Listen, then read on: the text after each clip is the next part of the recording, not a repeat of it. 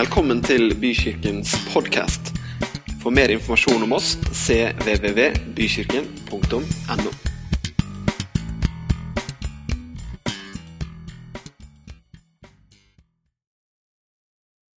Dere, eh, det har seg jo sånn at de fleste av oss, tror kanskje faktisk alle, har en sånn en som kommer opp på skjermen snart nå. Eh, hvis lykken står oss bi. Det gjør den jo ikke helt alltid, da. Eh, men det jeg skal vise dere, det kan dere glede dere til, altså. For det er nemlig en ba, ba, ba. Nei, timingen er ikke helt på plass. Håpa på en sånn for at fanfare skulle hjelpe. Jeg har veldig lyst til å få til, jeg har jobba litt med å få dette visuelt og kult. Så jeg har så lyst til å vise. Se her, vet du! Ja, De fleste av oss har en sånn en. En telefon. Ikke sant? Jeg tror kanskje alle i rommet her har en telefon. Faktisk vil jeg utfordre deg som ikke har en telefon, til å rekke opp hånda. Ja, det er ingen som rekker opp hånda. Alle har en telefon. De aller, aller, aller fleste av oss har en smarttelefon i tillegg. Og så er det sånn at Disse smarttelefonene de er veldig smarte, fordi de kommer med oppdateringer etter hvert. Du får liksom beskjed at uh, nå er det en oppdatering tilgjengelig for deg. hvis du vil. Og Kan du tenke deg det, så trykker du på ja, og så blir telefonen oppdatert. Og så får den ny funksjonalitet. Kommer nye ting inn i livet ditt gjennom denne telefonen. Nye ting den kan gjøre. Det er ganske stilig. Og jeg har til og med en bil jeg, som oppdaterer seg. Som får liksom, Senest i går. Jeg er veldig plagsomt med at den kommer borti meg. Åh, Stian, altså. Takk. Sånn. Å, nydelig. Nå hører dere meg enda bedre og blir ikke så mye slitsomme s-er og p-er og sånn. Det er bra. Um, jo, det er jo sånn at til og med bilen min den oppdaterer seg. Den får ny funksjonalitet. Det kommer inn nye måter å gjøre ting på inni bilen. Det er veldig fancy. Veldig kult. Veldig stilig. Vi lever i en veldig spennende tidsalder for oss som er litt sånn teknisk interesserte. Ikke sant? Og til og med vi som ikke er så interesserte, vi får noe nytte for det. Eller dere, da, som ikke er så teknisk interesserte, får også noe nytte for det. For det kommer ting som faktisk er kjekt å ha. Av og til er det kanskje ikke så farlig, men det, det skjer en sånn oppgradering, da. Og hadde det ikke vært litt kult om livet vårt også var litt sånn? At uh, kroppene våre var litt sånn? At du liksom uh, får, får liksom spørsmål på kvelden vil du ha en oppdatering. det var kult. Vil du få sixpack? Bli litt brun? Kanskje du vil være med i Pittsburgh-reklame dagen etter? Det gjelder meg da spesielt. Kanskje du vil få hår? Opp, liksom Våkne morgenen etter, og hva slags hår vil du ha? Får liksom fem valg. Det har vært veldig stilig. Men det er jo ikke sånn med oss mennesker. da. Vi får ikke disse oppdateringene helt gratis. I hvert fall ikke den type oppdatering. Uh, selv om det har vært utrolig, utrolig gøy. Vet du hva, Jeg skal ta litt vann. Det kjente jeg at jeg trengte nå. Og jeg skal gå vekk her, sånn at det ikke blir feed. Og så kjente jeg at vi alle, alle trengte Jeg tar med to glass, jeg, så vi tar det i stereo også. Det er fint. Livet leves best i stereo. Men ja, jeg, til og med kona mi syns det hadde vært deilig med en oppdatering. Sikkert for meg òg, av og til, da. Men hun, her om natta så hadde hun en veldig morsom drøm. Hun drømte at hun spiste ostepop på kino. Og så våkna hun opp at hun hadde øreproppen i munnen. Det, det syns jeg er en morsom drøm. Da har du lyst på en oppgradering. Da hadde ostepop vært veldig godt. Når du har de der øreproppene i munnen. Hun fikk de fort ut, da, heldigvis. Men som menneske da, så har vi helt andre oppdateringsbehov i livet vårt. Og, og veldig mye av det skjer helt av seg sjøl. Det er veldig mye når vi vokser opp og er små barn, eh, og, du som har barn eller barnebarn, eh, du kjenner jo til dette her. At livet bare, liksom, bare vokser ut. Det bare oppgraderer seg fra dag til dag. Det kommer nye ting hele tiden. Du blir liksom overraska. 'Å, kan du det allerede?' Og, ja, så, så, du kan gå alt nå, og du kan snakke, og du skjønner hva jeg sier til deg. Altså, Alle disse tingene de bare skjer av seg sjøl. Det er ikke noe vi som foreldre må liksom trykke på for å ordne eller sende, sende barnet tilbake for en slags det har skjedd noe feil. kan vi begynne på nytt. Altså, dette, dette er veldig sånn intuitivt i livet vårt. da. Det er veldig stilig. Og sånn går jo dagene våre. Eh, vi, når vi vokser opp, vi studerer, eh, vi får oss eh, på en måte et liv etter hvert. Kanskje vi har fått oss en partner, får noen barn sjøl. Og så kommer man til et punkt som det er sånn 27-28 år. Da er det faktisk også sånn at sånn rent fysisk da, så stopper oppgraderingen. Fra 27 år og nedover, øh, nedover, sier jeg, og bortover, utover, så går det nedover med oss. Sånn strengt tatt, sånn fysisk. Det går fortsatt an å lære seg nye ting, det går fortsatt an å tilegne seg ny kunnskap, og det går fortsatt an, sier noen, å trene. Og, det, det, gidder vi jo ikke prøve på, da. Men, men, det går an å gjøre noe etter 27 år. Altså, så, bare så du veit det, så har vi noen valg sjøl. Men sånn rent fysisk så har kroppen vår liksom nådd piken akkurat der og akkurat da. Og sånn fysisk så har også kanskje livene våre blitt veldig stabilisert når vi har runda sånn 27-28 år. Kanskje man har funnet livsledsageren sin, man har fått livet litt sånn på stell, har fått seg en jobb, fått kjøpt seg et hus. Og så blir man kanskje litt satt, rett og slett. altså. Er det ikke flere enn meg som tenker det? At, at liksom, livet blir ok, nå, liksom, nå, blir det litt sånn på repeat, egentlig. Det kan fremstå sånn, og det, det, som er gøy, er at dette har jo mennesker sagt i mange hundre år. altså Over 900 år før Kristus så ble dette snakka om i Bibelen. Og Jeg har til og med snakka om det verset her før, og det er litt ironisk. Eh, fordi det som har skjedd, skal alltid skje, og det som ble gjort, skal gjøres på nytt. Intet er nytt under solen. Det, jeg håper ikke det var forrige prekena men jeg hadde det. Men, eh, for det hadde vært litt ironisk. Men blir det sagt om noe 'se, dette er nytt', har det likevel hendt i tidligere tider. Lenge før oss. Ingen minnes det som før har hendt, og det som skal komme, vil heller ingen minnes i slektene som følger. Det står i Forkynneren 1, eh, kapittel 1 vers 9. Og egentlig så handler hele Forkynneren om alle de tingene vi forsøker å fylle livet vårt med. Alle de tingene vi prøver å få til å gi en mening. For det er sånn at Hvis ikke du har møtt Gud ennå, det kan godt hende du sitter her og ikke har noe forhold til Gud, i det hele tatt, så er det jo sånn at det livet du har, er det beste du kan ha. Du tenker jo kanskje ikke at det finnes noe enda bedre der ute. Jeg håper kanskje også du gjør det. da, At det, det må finnes noe mer, det må finnes noe annet. Hvis ikke så havner du der. At det som skjer, det er jo bare liksom en ny dag. Samme som skjedde i går. Ny dag, samme som skjedde i går. Det er ikke noe hensikt i livet ditt. da. Så forsøker man å fylle det med mange gode ting, det livet der. Og det, det er sikkert et godt liv å leve. At man prøver å gjøre noe for andre, kanskje. Kanskje man uh, involverer seg i frivillig arbeid. At du er med barna dine ikke sant, i noe som er viktig for de. Og De tingene er kjempefine og kjempebra, men jeg tror man kommer på en litt sånn repeat av dette her. Det gjelder for deg som ikke har en tro. Og så gjelder det også dessverre for oss som har en tro. At livet vårt også kan veldig fort bli sånn mundane, som jeg liker å kalle det. For det er så kult engelsk ord. Eric, ikke sant? Det er ikke, det er ikke så lett å oversette mundane. Hva ville du oversatt mundane til? Hverdagslig. Ja, hverdagslig var litt for koselig. Ja, For det er litt sånn tristere enn hverdagslig. Det er litt sånn at det bare, å, det bare, vi må liksom sveive dette livet videre.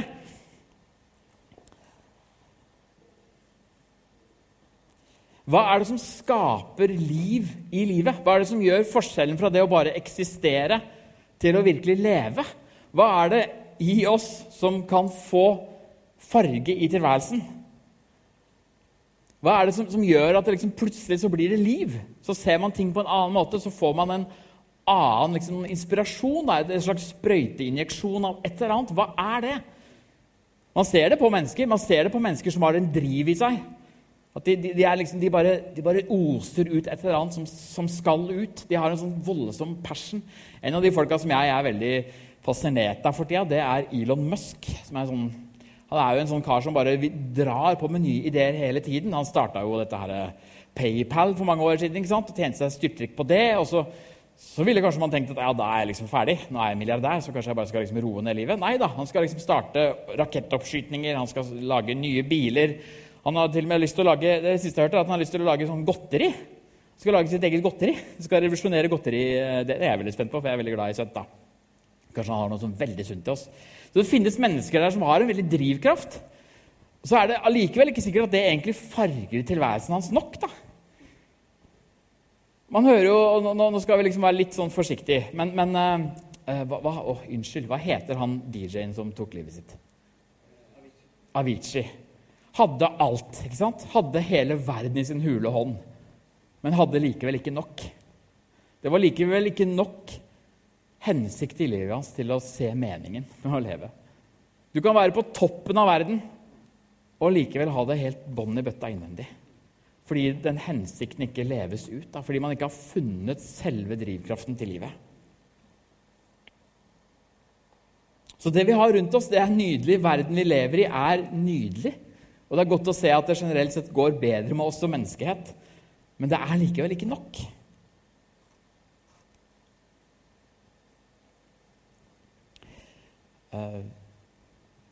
Så tror jeg også det dessverre skjer med oss som har en tro. At vi, Kanskje det er lenge siden du har tatt imot Gud, kanskje det er kort, kort tid siden du oppdaga Jesus, men ganske fort En av de største farene tror jeg, med det å, ha, å, å følge Jesus og, og, og, tro på han, er at man ganske fort begynner å bevege seg i liksom det samme tempoet som man var i før. Går i litt de samme spora som man var i før. At livet på en måte det bare går rundt allikevel. Hva er det egentlig jeg trenger Gud til i hverdagen? Det styres jo av hvordan vi lever livet vårt.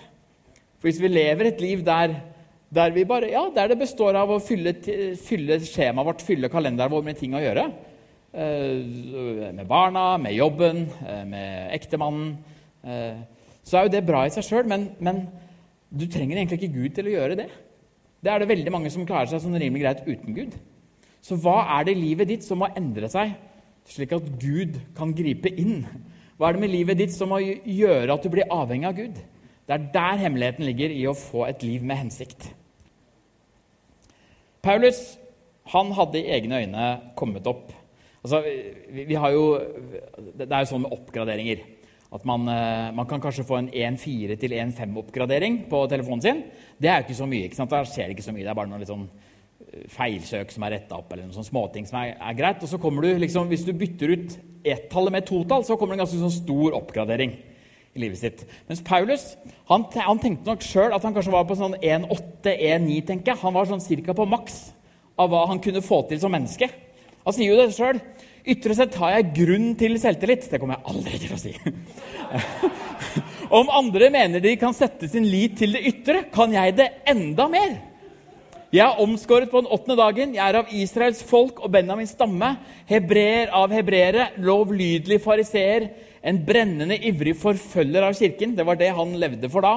Uklanderlig i min rettferdighet etter loven. Han tenkte at han hadde fått maksa ut livet sitt. han før han møtte Jesus. Det var det han tenkte. Nå er jeg liksom on the peak. Det går liksom ikke an å komme høyere. Han var sikkert god danser, til og med. Men, men så oppdager Paulus at vet du hva, det er faktisk mer der ute. Det fins noe annet. Det fins noe i tillegg. Men det som før var en vinning for meg, det regner jeg nå for Kristi skyld som tap. Ja, jeg regner alt, alt som tap. Fordi det å kjenne Kristus Jesus, min Herre, er så mye mer verdt. For hans skyld har jeg tapt alt, og alt jeg har tapt, regner jeg som verdiløst skrap.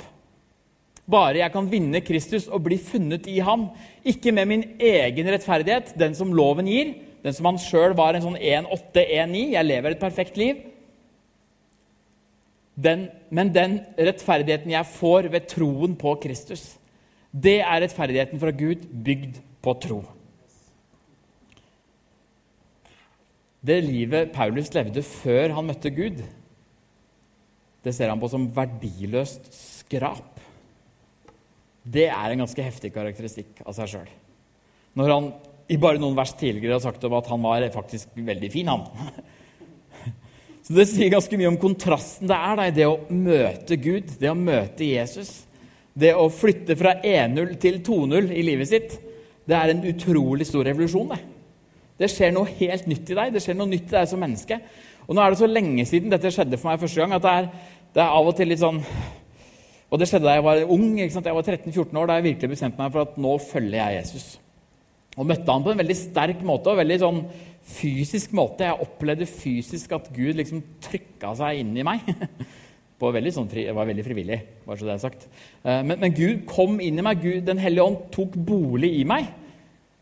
Og det er en 1-0 til 2-0-oppgradering. Det er det ingen som helst tvil om.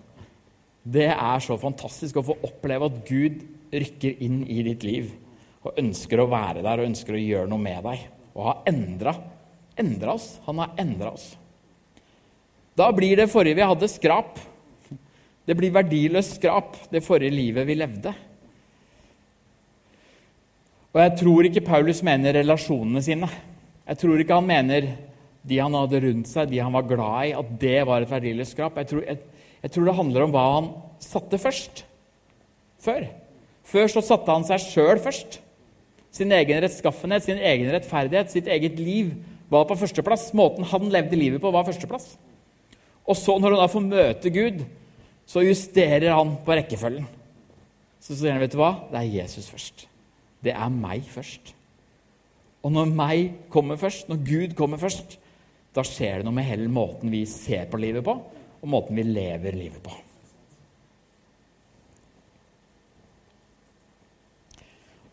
Og så tar jeg meg sjøl i å be sånne fra én til tre til én til fire bønder. Sånn, Gud, jeg ber om at jeg skal ha god økonomi, jeg ber om at barna mine skal ha det bra. Jeg ber om at du skal være med meg i hverdagen. Det er fine bønner, men det er veldig trygge bønner. Det er sånn fra 1-3 til 1-4, kanskje 1-5. Man liksom skal få det bare litt bedre sjøl. Mens det Gud gjorde da han flytta inn i livet ditt, det var å rykke bort perspektivet om deg sjøl. Rykke bort dette her helt fullstendig. Betyr ikke at vi ikke skal ha noe perspektiv på oss, i hele tatt, for det står at vi skal elske oss selv like mye som vi elsker Han. Men, og andre. Men rekkefølgen er veldig viktig for Gud. Og hvis man har relasjonen til Gud skikkelig på plass i livet sitt, så slipper du å lete etter den relasjonen andre steder. Da slipper det å bli kona di, for det er veldig vanskelig for kona. Til og med for Kristin, som jeg synes er en fantastisk kone, så er det fryktelig vanskelig for henne å være Gud. Så de behovene jeg måtte ha med Gud liksom, Fordi alle mennesker har det, det, behovet for å være nær Gud, for å, for å få kjærlighet fra Han, for å oppleve at Han elsker deg.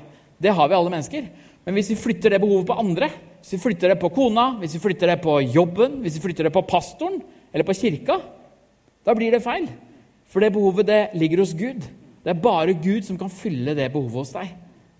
I å bli sett. Så skal vi mennesker hjelpe til i å vise kjærlighet. I å vise hvem Gud er, og vise at Gud er en personlig nær Gud i 2018. Det skal vi være med å hjelpe til på, på alle mulige måter vi kan, men det er bare Gud som kan fylle det. Bare Gud som kan gi deg det perspektivet. En gang så kom det en kar bort til Jesus. Og så lurer han på nettopp det. Hvordan skal, altså, hvordan skal livet mitt leves? Hva slags livsmotto skal vi leve etter, spør han egentlig. Og så oppsummerer Jesus selve meningen med livet på den måten her. Han sier du skal elske Herren din Gud av hele ditt hjerte, av hele din sjel og av all din forstand. Og nå kommer rekkefølgen. Dette er det største og første budet. Men det andre er like stort. Du skal elske de neste som deg selv. På disse to budene hviler hele loven og profetene. Med andre ord, på dette her så hviler alt det Gud ønsker å si oss. Vi skal elske Gud av alt vi er og har. Vi skal elske mennesker av alt vi er og har. Og vi skal elske oss selv av alt vi er og har. Det er lett. Jeg har masse kjærlighet. Jeg har veldig mye kjærlighet til meg sjøl. Det er, det, det, er, er, det er, noen som sliter med det også. Som ikke, som ikke klarer å elske seg sjøl. Som ikke klarer å se positivt på seg sjøl. Som ikke klarer å sette seg sjøl eh, i en god posisjon. Da, som alltid rakker ned på seg sjøl. Det skal vi ta på alvor. Men for meg personlig så er altså, jeg, er ikke, jeg er ikke på Paulus-nivå. Men, men, men, det er veldig lett for meg å prioritere meg sjøl. Det er veldig fort gjort for meg. Jeg tror det er sånn for ganske mange. Er, vi er oss sjøl først veldig ofte. Mamma er et veldig godt unntak på det. forresten. Hun har alltid liksom, hun har utrolig evne til å sette andre først. Det er fantastisk med sånne mennesker. Så lenge de ikke går liksom, til selvutslettelsens ravn, som det heter. Eh, ikke gjort det med mamma, altså. Nå ble du bekymra. Eh, men, men, men, det er veldig fort gjort å komme dit også. da. Eh, men det er veldig herlig å møte mennesker som du merker at disse, denne personen bryr seg om meg. Ønsker å vite hvem jeg er. Men han ønsker at vi skal elske han først. Og så er det så godt å vite også at han, han, han sier ikke at det andre ikke er helt nødvendig. Han sier ikke at resten av livet ikke er viktig. Du trenger fortsatt det livet inneholder, men du trenger liksom ikke det aller først. da. I Matteus 6,31 så sier han hva, eh, skal vi spise? Eller hva skal vi drikke? Eller hva skal vi kle oss med? Alt dette er hedningene opptatt av. Og vi kristne av og til, da. Men den far dere har i himmelen, vet jo at dere trenger alt dette. Søk først Guds rike og hans rettferdighet, så skal dere få alt det andre i tillegg. Rekkefølgen her er viktig. Så gjør dere ingen bekymringer for morgendagen. Morgendagen skal bekymre seg for seg sjøl. Hver dag har nok med sin egen plage. Så rekkefølgen i måten vi lever livet på, er så viktig. Hvis vi klarer å søke Han først, klarer å søke Hans hjerte først, klarer å få Hans kjærlighet, sånn at vi kan gi den til andre. Sånn at vi kan elske andre mennesker like høyt som vi gjør oss sjøl. For der trenger vi jo hjelp. Hvis vi får den kjærligheten av han og klarer å formidle den videre, så, så faller andre på plass. altså. Da går det seg til. Det ordner seg hvis vi hadde bodd eh, på andre sida av fjorden. Ordner seg her òg, tror jeg. Jesus snakker om at han er veien, sannheten og livet. Han snakker ikke at han er én sannhet, eller, altså han snakker ikke om at han er én av sannhetene, eller ett av livene, eller av, en av veiene. Det ble veldig vanskelig for meg å omsette det til, til flertall. Men han er veldig bestemt i det. Jeg er veien. Jeg er sannheten. Jeg er livet. Det er ikke noe alternativ. Det er ikke noe alternativ til livet hvis ikke du finner Jesus. Han er livet. Det er han som gir farge til tilværelsen. Det er han som gir hensikt til å leve. Det er han som gjør det verdt å stå opp om morgenen. Det er han det er verdt å henvende seg til når man våkner Og bare han og sier 'Jesus, du er livet'. Og det å leve med deg er selve livet. Takk for at jeg i hvert fall har det på plass. Også for alle de andre bekymringene ligge. Fordi jeg har deg, Gud. Vi har fått en ny skapning der det gamle er borte, og det nye er blitt til. Sånn, det, er liksom, det er en slags faktaoppsummering av hva som har skjedd når man har tatt imot Jesus. Eh, og Jeg tror på det, men samtidig så betyr jo ikke det at resten av livet bare nå er alt helt perfekt. Det er ikke sånn at livet bare Woho! Alt er nytt uh, i livet mitt også. Det er jo Fortsatt er omstendighetene her til livet. Fortsatt er utfordringene der. Fortsatt er relasjonene der som kan være vanskelig for oss. Men vi har fått en ny skapning når vi har tatt imot Han. Vi har fått noe annet å støtte oss til enn oss sjøl når vi har tatt imot Han.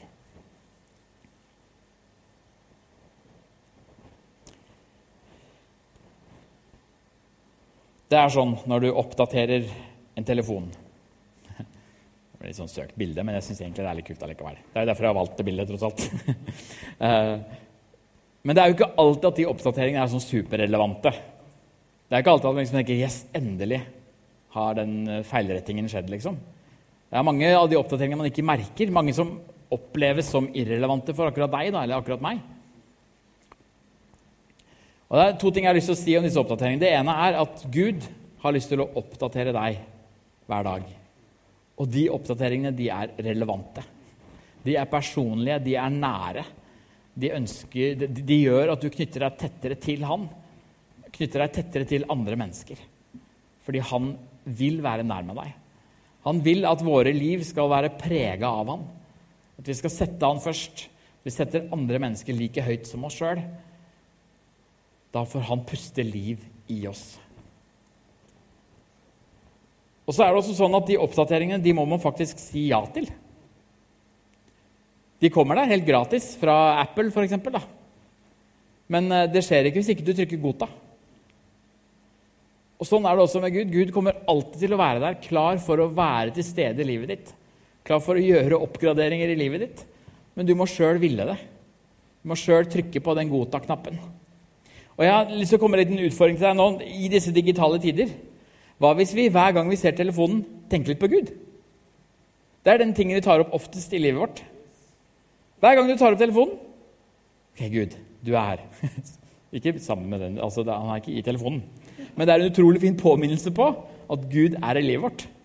For du tar opp den telefonen, Hvor mange ganger er det? Er det noen som vet hvor mange ganger det er? 150 ganger i løpet av en dag. Tenk hvis du, Det hadde i hvert fall vært en massiv oppgradering fra min side om jeg hadde klart å tenke på Gud 150 ganger om dagen. Gud, du er her. Du har brakt liv i meg. Du har gitt meg en hensikt, noe å leve for. Noe som gjør at livet mitt har mening. Noe som gjør at det er verdt å bli litt sliten. Det er verdt å åpne livet litt for mye. Folk rundt, eh, rundt meg de sier av og til at du har så mye å gjøre. Og det, jeg har mye å gjøre, men jeg gjør jo det fordi det er en mening bak det. Når jeg er fotballtrener med gutta som, som går sammen med Tobias, så er ikke det bare fordi jeg syns det er gøy med fotball. Jeg gjør det fordi jeg har lyst til å bli kjent med de gutta. Jeg har lyst til å være en slags støttefigur. Jeg har lyst til å være der for dem. Og Sånn er det med livet våre. at vi, Hvis vi klarer å fylle oss med Gud først, hvis vi klarer å se poenget med å ha Gud med oss i hele livet, så gir det oss energi. Da orker vi å holde ut, og da er det greit å bli sliten av og til. Fordi man gjør det av en hensikt. Gjør det ikke bare for å få tida til å gå, du gjør det ikke fordi det er noen forventninger der, eller noen krav til at du skal være så og så mange timer med mennesker eller med kirke eller med Gud, men du gjør det fordi det er en del av livet. Vi puster inn Guds kjærlighet, inn Guds nåde. Og så puster vi ut igjen det til de menneskene rundt oss. Det er det vi er skapt for å være. Da blir livet ditt en oppgradering. Da, du, da, da lever du et annet liv enn det du gjør uten Gud. Så du har det perspektivet i alt du gjør. Nå har jeg akkurat liksom så vidt begynt på en bok som uh, handler om um, forholdet mellom Gud og oppdraget og familie. Altså mission and family. Uh, og det som er litt gøy med den boka, den tar opp liksom utfordringen da. det kan bli hvis du har liksom oppdraget her, og så har du familien der. Da blir det sånn mission or family. Da har du enten misjonen, eller så har du familien ved siden av. Og Der tror jeg mange er når de vokser opp og kanskje forsvinner ut av kirka. Så nei, det blir litt mye med den der oppdraget ved siden av, så vi velger bare familien. Og så har du mission and family, der du har oppdraget og familien. Som også blir krevende, for du skal sjonglere to baller. da. Du har, du har liksom oppdraget, kirka, det å leve for Gud, der. Og så har du separert familien din. Så du har liksom familien her ved siden av. Men hvis du har familien med en mission, family on mission Mission on family Nei, det ble feil, men jeg husker ikke helt. jeg leste det i går, kanskje. Men hvis du, har, hvis du har oppdraget sammen med familien din, så blir det noe annet. Fordi da, da, da, da, får du en helhet i livet, en helhet i perspektivet på det å følge Gud og det å leve et liv oppgradert med Han. Jeg aner ikke hvor du er i dette her. Kan dere komme over, forresten? Aner ikke hvor du er i livet ditt, om du syns du har oppgradert nok, om du kanskje er på liksom et bra nivå. Og det er helt topp om du føler det. Eller kanskje du føler at du skulle gjerne hatt en oppgradering til fra Gud. Den kommer alltid til å ligge der som en mulighet. Kommer alltid til å være der, og den er her nå i dag. Kanskje ikke du engang har oppgradert fra 1-0 til 2-0. Kanskje du, når du hører om Gud, ikke aner hva jeg snakker om. Vet du hva? Gud han ønsker å endre livet ditt. Ikke alt som er i livet ditt, men han ønsker å endre ditt liv. Han ønsker å gi deg en hensikt. Han ønsker å gi deg et mål. Han ønsker å gi deg trygghet, ro, glede, fred og engasjement. Pågangsmot og vilje til å endre denne verden. Det er det han har kalt oss til å leve. Liv som endrer verden. For når vi klarer å elske mennesker rundt oss, virkelig elske de menneskene sånn som vi elsker oss sjøl, da klarer vi å endre verden. Når vi går i Guds kjærlighet ut til de menneskene som, som ikke vet hvem han er, som ikke aner hva han holder på med, og ikke vet jeg om de tenker mye på det, eller om de ikke har noe forhold til det i det hele tatt. Det er bare én måte å finne ut det på, det er å engasjere seg i andres liv. Når vi gjør det, da kommer Gud til nytte i livet vårt. Ikke bare for vår egen del, men for andres nytte. Da kan Gud bruke oss til å vise kjærlighet til å være til stede i livet vårt på en helt annen måte enn det han kan ellers. Takk, Jesus, for at du elsker oss, at du har gitt oss alt vi trenger for et liv med deg.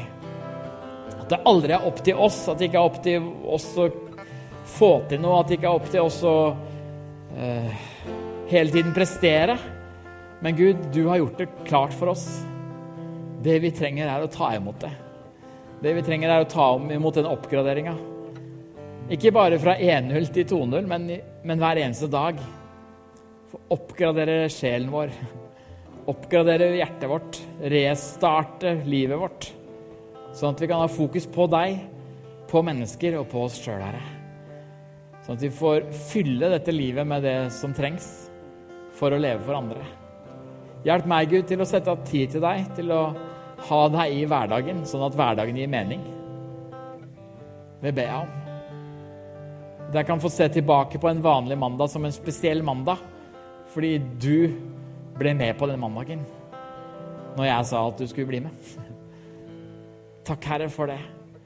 Jeg ber om at vi skal få leve liv som blir spennende å leve. Fordi vi tar sjanser, fordi vi tar risiko, fordi vi tør å nærme oss deg og det du har for andre mennesker.